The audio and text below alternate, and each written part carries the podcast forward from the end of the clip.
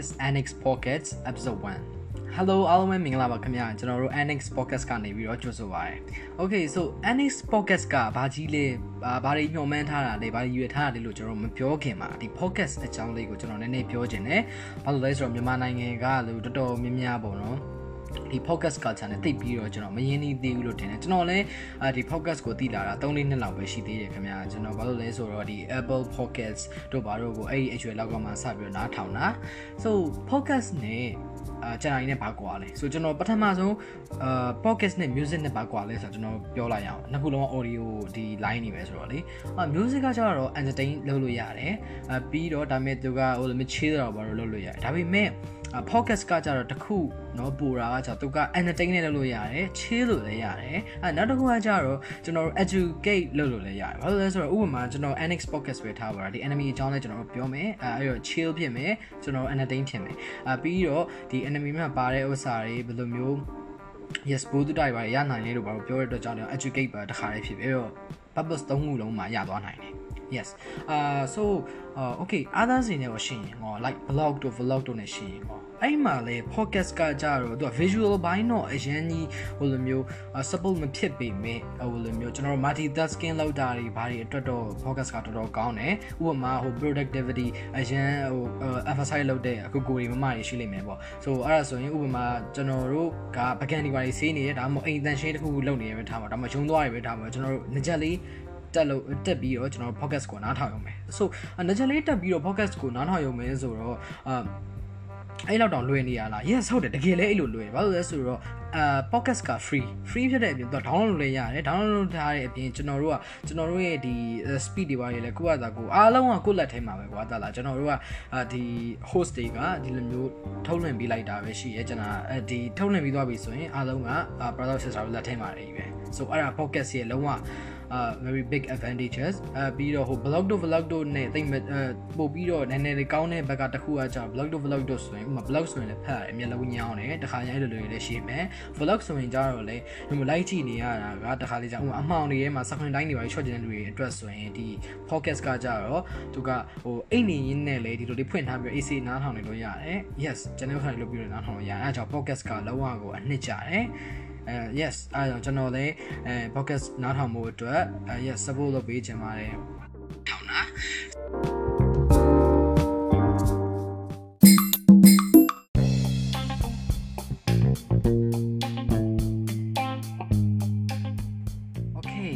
က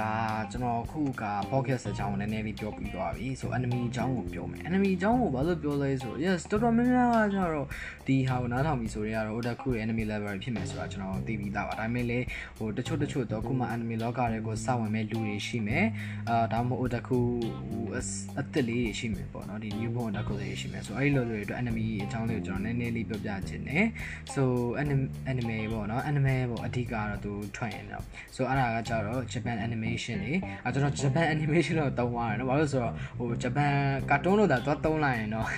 ဟိုပထမဆုံး post မှာကျွန်တော်ဝိုင်းပြီးတော့လောက်ကြတယ်ဒီမဲ့အဲဆိုအာဒီ Japan cartoon လို့ပြောတာနဲ့ပတ်သက်ပြီးတော့လေတော်တော်ဝါးတွေကကျွန်တော်တို့ဟို Facebook စဟိုမြန်မာနိုင်ငံမှာစပြီးတော့တွင်ကျလာတဲ့က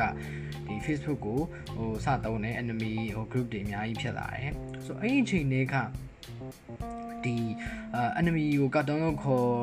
လိုက်တာနဲ့စပြီးတော့ဟိုဝါးတွေကအဲ့ချိန်တော့တော်တော်ကြီးကိုဖြစ်တယ်ဒါပေမဲ့အဲမနေ့ကတနေ့ဒီလေဒီဝါးတွေကဖြစ်နေတော့မှာ enemy ဆိုတာကတွန်းမှာဂျပန်ကတွန်းမှာဆိုပြီးတော့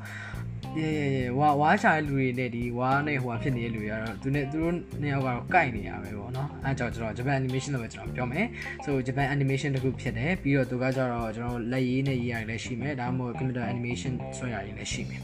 so anime ဆိုတာကကြတော့ဒီ English word animation ကိုသူကဂျပန်မှုပြုတ်လိုက်တာပေါ့ဂျပန်မှုပြုတ်လိုက်တော့ anime လေးဖြစ်သွားဟဲ့ဟဲ့ဟဲ့ဟဲ့မဟုတ်ပြုတ်သလိုပေါ့ so yes အဓိကတော့သူကဒီအဲဂျပန်နိုင်ငံမှာဒီ animation ကို1919လောက်ကနေပြီးတော့သူတို့စပြီးတော့ဒီ commercial အနေနဲ့စပြီးတော့တုံးလာတယ်အဲဒါကကျွန်တော် wiki ကနေပြီးတော့နည်းနည်းသတ်မှတ်ထားရတယ်ပါအဲကိုကိုရိုင်းအဲ့လိုအလွတ်ကြီးတွေလိုက်မချက်နိုင်ပါဘူးလစ်သွားမှာဆိုဆို yes anime ကဒီလောက်ကနေစခဲ့တယ်1919နောက်ကနေပြီးတော့နည်းနည်းလေးစလာခဲ့တယ်ဒါပေမဲ့ anime မှာကြာတော့မှသူကအများကြီးရှိတာပေါ့ကျွန်တော်တို့ media ရဲ့အရာတွေကြည့်လို့ရမယ်ဥပမာ internet ကကြည့်လို့ရမယ်ပြီးရင် original works တွေရှိမယ် like ဒါမှမဟုတ် adaptation တွေဖြစ်တဲ့ manga တွေ light novel တွေ video game တွေလည်းအများကြီးရှိမယ် so okay so anime အကြောင်းကိုသိပါပြီအဲ့တော့ anime anime နဲ့ anime ဆိုဒါတော့ eastern animation တခုလို့လည်းပြောလို့ရပါတော့เนาะဒီ Japanese animation တွေ western animation တွေကဘာကွာလဲအာ yes အဓိကကဘာကွာလဲဆိုတော့ဟို western animation เนี่ยကျတော့ movement တွေဘာတွေမျိုးကိုပို့ပြီးတော့ဦးစားပေးတယ်ဒါပေမဲ့ဒီ Japan animation ကကြတော့သူက like camera effect တွေဟို zoom လောက်တာတွေ angle shoot တွေကိုသူကတော်တော်ကြီးကိုဦးစားပေးတယ်ပေါ့အဲပြီးတော့ ဒီလိုမျိုးပုံဆွဲရတယ်ဗါတွေကိုဒီ character development တွေ character character ပုံလေးတွေကိုသူတို့ကအရန်ကို emphasize လုပ်တယ်အာ yes အားကြောင့်လည်းကျွန်တော်ဒီ20လုံးလုံးဒီကနေပဲရုံးမထွက်နိုင်သေးဘူးပေါ့ဒီ waifu တွေနဲ့ပဲပြုံနေပြီးတော့ so yes အာအဓိကပြောမယ်ဆိုတော့ကျွန်တော်ပြောမယ်ဆို diverse s style ပေါ့နော်တစ်ခုနဲ့တစ်ခုကအာဒီအတော်ကွဲတယ်ပေါ့ western နဲ့ဒီ eastern animation style တွေอ่ะဒါတော့ Okay so how about the anime industry မှာဆိုရင်တော့ခု anime industry ကတနေ့တခြားပို့ပို့ပြီးတော့ကျေပြန့်လာလို့ပြောလို့ရပါလို့ဆိုတော့ခုနောက်ပိုင်းက anime ကြည့်ရဲ့လူတွေက otaku တွေကလည်းအများများလာတယ်ဟို European တွေဘက်မှာဆိုတော့တော်တော်များလာတယ်လို့ပြောလို့ရတယ်ခုက Eastern တွေမဟုတ်တော့ဘဲနဲ့ yes အဲ့ဒီတော့အာ yes ဟိုလိုမျိုးတကယ်ဟို ဒီ production ခေါင်းကြီးတွေကကြတော့ပေါ့ဟို Studio Ghibli တို့ Gainax ဆိုတော့ animation တို့ရှိမယ်တို့ရခေါင်းကြီးဆိုတာလည်းဘယ်လိုပြောရမလဲဒီ anime လောကရဲ့ဖခင်မိခင်လို့တော့ကျွန်တော်သတ်မှတ်လို့တင်စားပြီးပြောလို့ရတယ်ပေါ့နော်ဘာလို့လဲဆိုတော့ဒါကြီးရဲ့ enemy အစ Ghibli က enemy အစ Toei ကတော့ကျွန်တော်ပြောလို့ရတာဆိုတော့ so yes enemy ကကျတော့အခု subtitle တွေ dub တွေနဲ့ထွက်နေတာတော်တော်ကြာပြီဒါပေမဲ့ကျွန်တော်နောက်ပိုင်းရောက်ရင်တော့ဒီဘယ် website ကနေပြီးတော့ဥမာအင်္ဂလိပ် subtitle နဲ့ကြည့်တင်တဲ့အကောင့်ဆုံးလေးပေါ့ကျွန်တော်ရဲ့ဒီ experience တစ်ခုအနေနဲ့ကျွန်တော်နည်းနည်းလေးထပ် share မယ်ပေါ့နောက် podcast တွေမှာတော့အာ yes um yes ကျွန်တော်ပြီးတော့ဒီ English subtitle တွေကိုတစ်ခါလေးကြာရင်တော့ဟိုလူတော်တော်များများတက်နိုင်ရင်တော့ပေါ့နော်ဒီကြည့်စီခြင်းတယ်ဘာလို့လဲဆိုတော့ English subtitle နဲ့ကြည့်ရင်ဟိုတစ်ခါလေးကြာရင် translation error တွေမရှိဘူးဒါပေမဲ့ကျွန်တော်ပြောချင်တာဟို translator တွေကအမြဲမှပြန်တယ်လို့ပြောတာမဟုတ်နော်တစ်ခါလေကြာရင်အာတို့လည်းပြန်ရတာတွေအရင်များသွားတဲ့အတွက်တစ်ချက်တစ်ချက်ဟိုလွဲသွားတာလေးရောရှိမယ်ပေါ့အဲ့လိုမျိုးတွေပါတွေအတွက်အဲရှိရှိမှဆိုတဲ့အတွက်ကျွန်တော်တို့ဒီ English subtitle နဲ့ကြည့်တာကလည်းကောင်းတယ်ဒါပေမဲ့ဟိုဘက်တစ်ဖက်ကလည်းဒီလို support လုပ်တာလည်းကောင်းပါတယ်ခင်ဗျ so yes အပြီးတော့ English စာကလည်းအဲ့လိုကြည့်ရင်တော့ပို့ထုတ်တက်မယ်ကျွန်တော်ကတော့ personally ရဆိုတော့ဒီ subtitle လေးတွေကျွန်တော်ကြည့်တာတော့များတယ်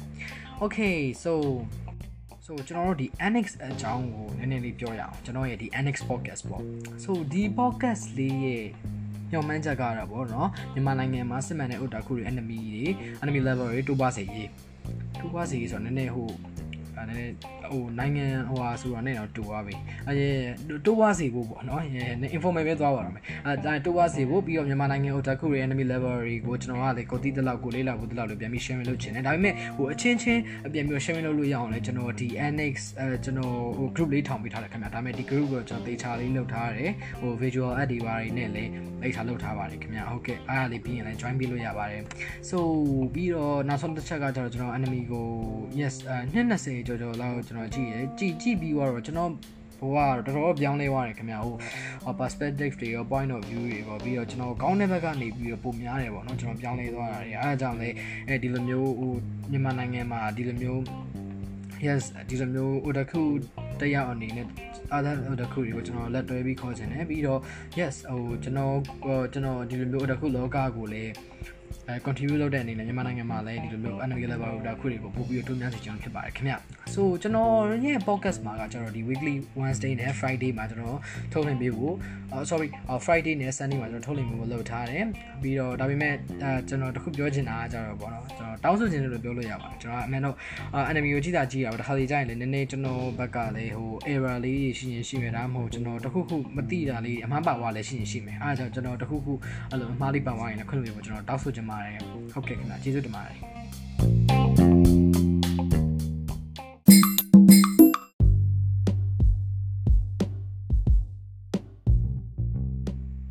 โอเค so ခုကတော့ကျွန်တော်တို့ရဲ့ anime recommendation ဘက်ကိုသွားလိုက်ရအောင် so ပထမဆုံးကျွန်တော်ပြောချင်တာကတော့ဒီ anime recommendation အကြောင်းကိုကျွန်တော်ဆက်ပြောရမယ်ဆိုရင်ကြတော့ဟောကျွန်တော်တို့ခုက fall 2020ပေါ့နော်ခုဟိုဘက်မှာကဂျပန်မှာကျတော့ခုကခုဒီချိန်ဆိုတော့ episode 1နေ ဟို enemy အသက်လေးတွေစပြီးတော့အမှန်ကန်ကြီးတွေအများကြီးဝင်လာတဲ့ချိန် enemy အသက်တွေအကောင်းနေဝင်လာတဲ့ချိန်ပြီးတော့ဘာလို့လဲဆိုတော့ခုကျတော့တော်တော်များများဆုဆုထွက်နေကြတာဘာလို့လဲဆိုတော့နောက်ပိုင်းရောက်ရင်ကျွန်တော်တို့ကနောက် season change မယ်ဆိုရင်လုံးဝဟို legend ကြီးပြန်လာတော့မှာ promise neverland တို့ boku no တို့ဒါမှမဟုတ်ဟို AOD တို့ဘာလို့လာတော့လာတော့မှာဆိုတော့က ဒီချိန်မှာအအစ်စ်တွေအနေနဲ့စုထွက်မယ်ဟိုလိုမျိုးအစ်စ်ကိုနေရာရနိုင်တဲ့ဥစ္စာလေးရစုထွက်တော့မှသူတို့ကတော်တော်နေရာရမှာပေါ့နော်မဟုတ်ရင်နောက်ပိုင်းရောက်ရင်ဟိုလက်ချန်ကြီးနဲ့သွားပြရင်တော့မဖြစ်နိုင်တော့ဘူးလို့တော့ကျွန်တော်ထင်တယ်အဲဒါကြောင့်ခုနောက်ပိုင်းစုထွက်နေရတာပေါ့ Okay ခုဒီနေ့ပမောစာကျတော့ Higurashi One the Crying ဆိုတဲ့ anime လေးပါသူကကျတော့အဓိကတော့ adaptation လုပ်ထားတာနောက်6တော့တခါထပ်ပြီးသွားပြီအာဒါပေမဲ့ဒီဟာကိုဘာလို့ပထမဆိုရွေးရလဲဆိုတော့အကြောင်းရှိတယ် သူရဲ့ဟိုပုံစံလေးကဟိုဒီကျွန်တော် pocket ဟိုမှာလည်းတွေ့မှထင်တယ်လုံးဝအေးအေးဆေးဆေးလေးပဲလုံးဝ college life လို့ကို site လေးတွေနဲ့ဒါပေမဲ့သူရဲ့ genre ကိုကျွန်တော်နည်းနည်းရွေးပြမယ် horror mystery psychological supernatural thriller dimension ဟိုလေဘယ်လိုပြောရမလဲဟိုဒီရိုးရိုးလို့တော့ပြလိုက်မယ်ဆိုဟာဒီ enemy လေးကြည့်ကောင်းမဲ့ပုံမင်းတော့ဆိုပြီး general သွားဖက်လိုက်ရင်လစ်သွားလိမ့်မယ် yeah yeah yeah အဲ့တခုတော့ရှိတယ် so Higurashi အကြောင်းကိုပြောရမယ်ဆိုရင် Higurashi one day crying ကကြတော့ဒီ the fictional village လေးပေါ့နော်အာ Hina ဟီနာမီဇာဝဆိုတဲ့ဒီ village လေးမှာကျွန်တော်အခြေခံပြီးတော့ရိုက်ထားတယ်အဲ main character ကကျွန်တော် catchy ဆိုတဲ့ကောင်လေးပေါ့ so သူကကြတော့အဲ့ဒီကိုတာပြီးအခြေချနေထိုင်နေသူရဲ့ဒီ classmate လေးတွေနဲ့ classmate လေးလို့တုံးတာအကြောင်းရှင်လို့ဆို classmate classmate တွေကအကုန်လုံးနှီးပါးကဟိုဟာ main ကလေးတွေပဲ yes အဲ့တော့ classmate လေးနဲ့သူကအရန်ဟိုခင်သွားတယ်ပေါ့နော်ကောင်လေးကညံကောင်းလိုက်တာပေါ့သူဒီ village ကိုပြောတော့မှန်လို့ပြောလို့ရတယ်အဲဒါပေမဲ့မမှန်တာတခုရှိတယ်ကျွန်တော်ဆက်ပြောမယ် so ဒီ village ကိုပြောင်းလိုက်တယ်ဒါပေမဲ့ဒီ village မှာတခုရှိတာကကြတော့အော်ဝါတနာကာရှိဆိုတဲ့ဒီ festival အများကြီးရှိတယ်ဒီ local local ဟိုနည်းနည်းပြီးတော့သူတို့ပြောရမယ်ဆိုရင်ဘယ်လိုလဲပူစော်တဲ့ပွဲမျိုးတစ်ခုပေါ့ဒါပေမဲ့အဲ့ဒီအဲဒီ village မှာကကြတော့ဒီ village တွေက yes calm ဖြစ်တယ် peaceful ဖြစ်တယ်လုံးဝအေးဆေးလေးပဲဒါပေမဲ့နောက်ပိုင်းတော့ဒီ festival ကိုရောက်လာပြီးဆိုရင်အာနေ့လယ်ပိုင်းလောက်ဆိုရင်လူတွေကပျောက်ပျောက်သွားတယ်အဲပျောက်ပျောက်တယ်ဒါမှမဟုတ်ရအသက်ခံလိုက်ရတော့ရှိတယ် အဲအဲ့အဲ့မှာအဲ့မှာစတာပဲဇလန်ဒီလိုလီလေးတွေနဲ့ဒီလိုမျိုးဟို village ကလူတွေပျောက်သွားတာ ਨੇ ဒီဘာမှမဟုတ်တဲ့ဟိုဟို college life လေးကိုဒီ school life လေးကိုအရန်တာရနေတဲ့ကိုကြီးနဲ့ဘာတွေဖြစ်ကြမလဲဘယ်လိုတွေဆက်ဆက်မလဲပြီးတော့ဟို thriller တွေဘာတွေကလည်းပါတဲ့အတွက်ကြောင့်အာဒါတော်တော်တော့ဘယ်လိုပြောရမလဲကြီးကြီးပါတကယ်လည်းမမားစေရအောင်အာပြီးတော့2006ကလည်းသူကတော်တော်နာမည်ကြီးခဲ့တဲ့ ဒီ psychological thriller တခုပေါ့နော်သူသူ့ကို Meran Ikiro နဲ့အောင်တွားနှိုင်းလို့ရတယ်တွားနှိုင်းလို့ရတယ်ဘယ်လိုပြောရမလဲသူတို့ရှင်းစင်းနောက်ဆင့်နေပါမပြောရမယ်ဆိုရင်ဒါတော်တော်မိုက်တော့လေ yes so နောက်တစ်ခုကြည့်တဲ့အကြောင်းရင်းတစ်ခုရှိသေးတယ်နောက်တစ်ခုကဘာစီကိုနဲ့ yes သူ့ကိုထုတ်တဲ့ဟိုဟာကျွန်တော်တို့ studio တော်တော်နာမည်ကြီးရဲ့အဲ့ Passion နဲ့ဆိုတာကလည်းဘာလို့လဲဆိုတော့သူက2015 2016လောက်မှာမစပြီးတော့သူနာမည်ရလာတာဘယ်လိုကားမျိုးနဲ့ရလဲဆိုတော့သူက Citrus တို့အာ like High School Days တို့နဲ့ရလာတာဆို Citrus ဆိုရင်လည်းပြောရမယ်ဆိုရင်သူကဒီကျွန်တော်တို့ အာ Brian Fan နဲ့တို့သိမယ်ရှင်လား Shuri Shuri Manga series ဆိုတော့လေအဲ stereotype လောက်တာတော့မဟုတ်ပါဘူးဒါပေမဲ့တော်တော်တော့သိကြမှာပါ yes so ဒီ Yuri မှာလည်းသူဆွဲတာကတော်တော်ပြပြင်းတယ် fan service လည်းတော်တော်ပါတယ်အဲ့ဒါကျွန်တော်ဒီအားကိုမှတ်မိနေပြီးတော့နောက်တစ်ခုကကျတော့မှတ်မိရတဲ့မို့တော့သူကနေရာပါယူသွားပြီကျွန်တော်နှလုံးသားထဲမှာပေါ့နော်ဒီအားကျတော့ဘာလဲဆိုတော့ High School DAC yes High School DAC Hero 2018ကိုသူကင်လာခင်ဗျဒီ Studio Version နဲ့လုံးဝကင်သွားတာ so high school DD ကတော့ကျွန်တော်တို့ DC ကတော့ပြောစရာလို့မတော့မထင်တော့ဘူးဒါကတော့ fan name ကလည်းကြီးတယ်လို့ fan service ကလည်းအရင်ကြီးတယ်ဒါပေမဲ့ဟို fan service ကြီးပဲကြီးရလားဆိုတော့မဟုတ်ဘူး plot တွေပါတွေကတော်တော်အနှစ်ကြတယ်ခင်ဗျအဲ့ဒီ plot တွေကပဲအဲ့တော့အဲ့လိုမျိုးဟိုကင်တဲ့ version နဲ့ဒီ production film တခုကထုတ်ထားတဲ့အတွက်ကြောင့်ဒါလုံးဝ you should watch အာပြီးတော့အာနောက်ဆုံးတစ်ခုကကြတော့ဟိုဘယ်လိုပြောရမလဲ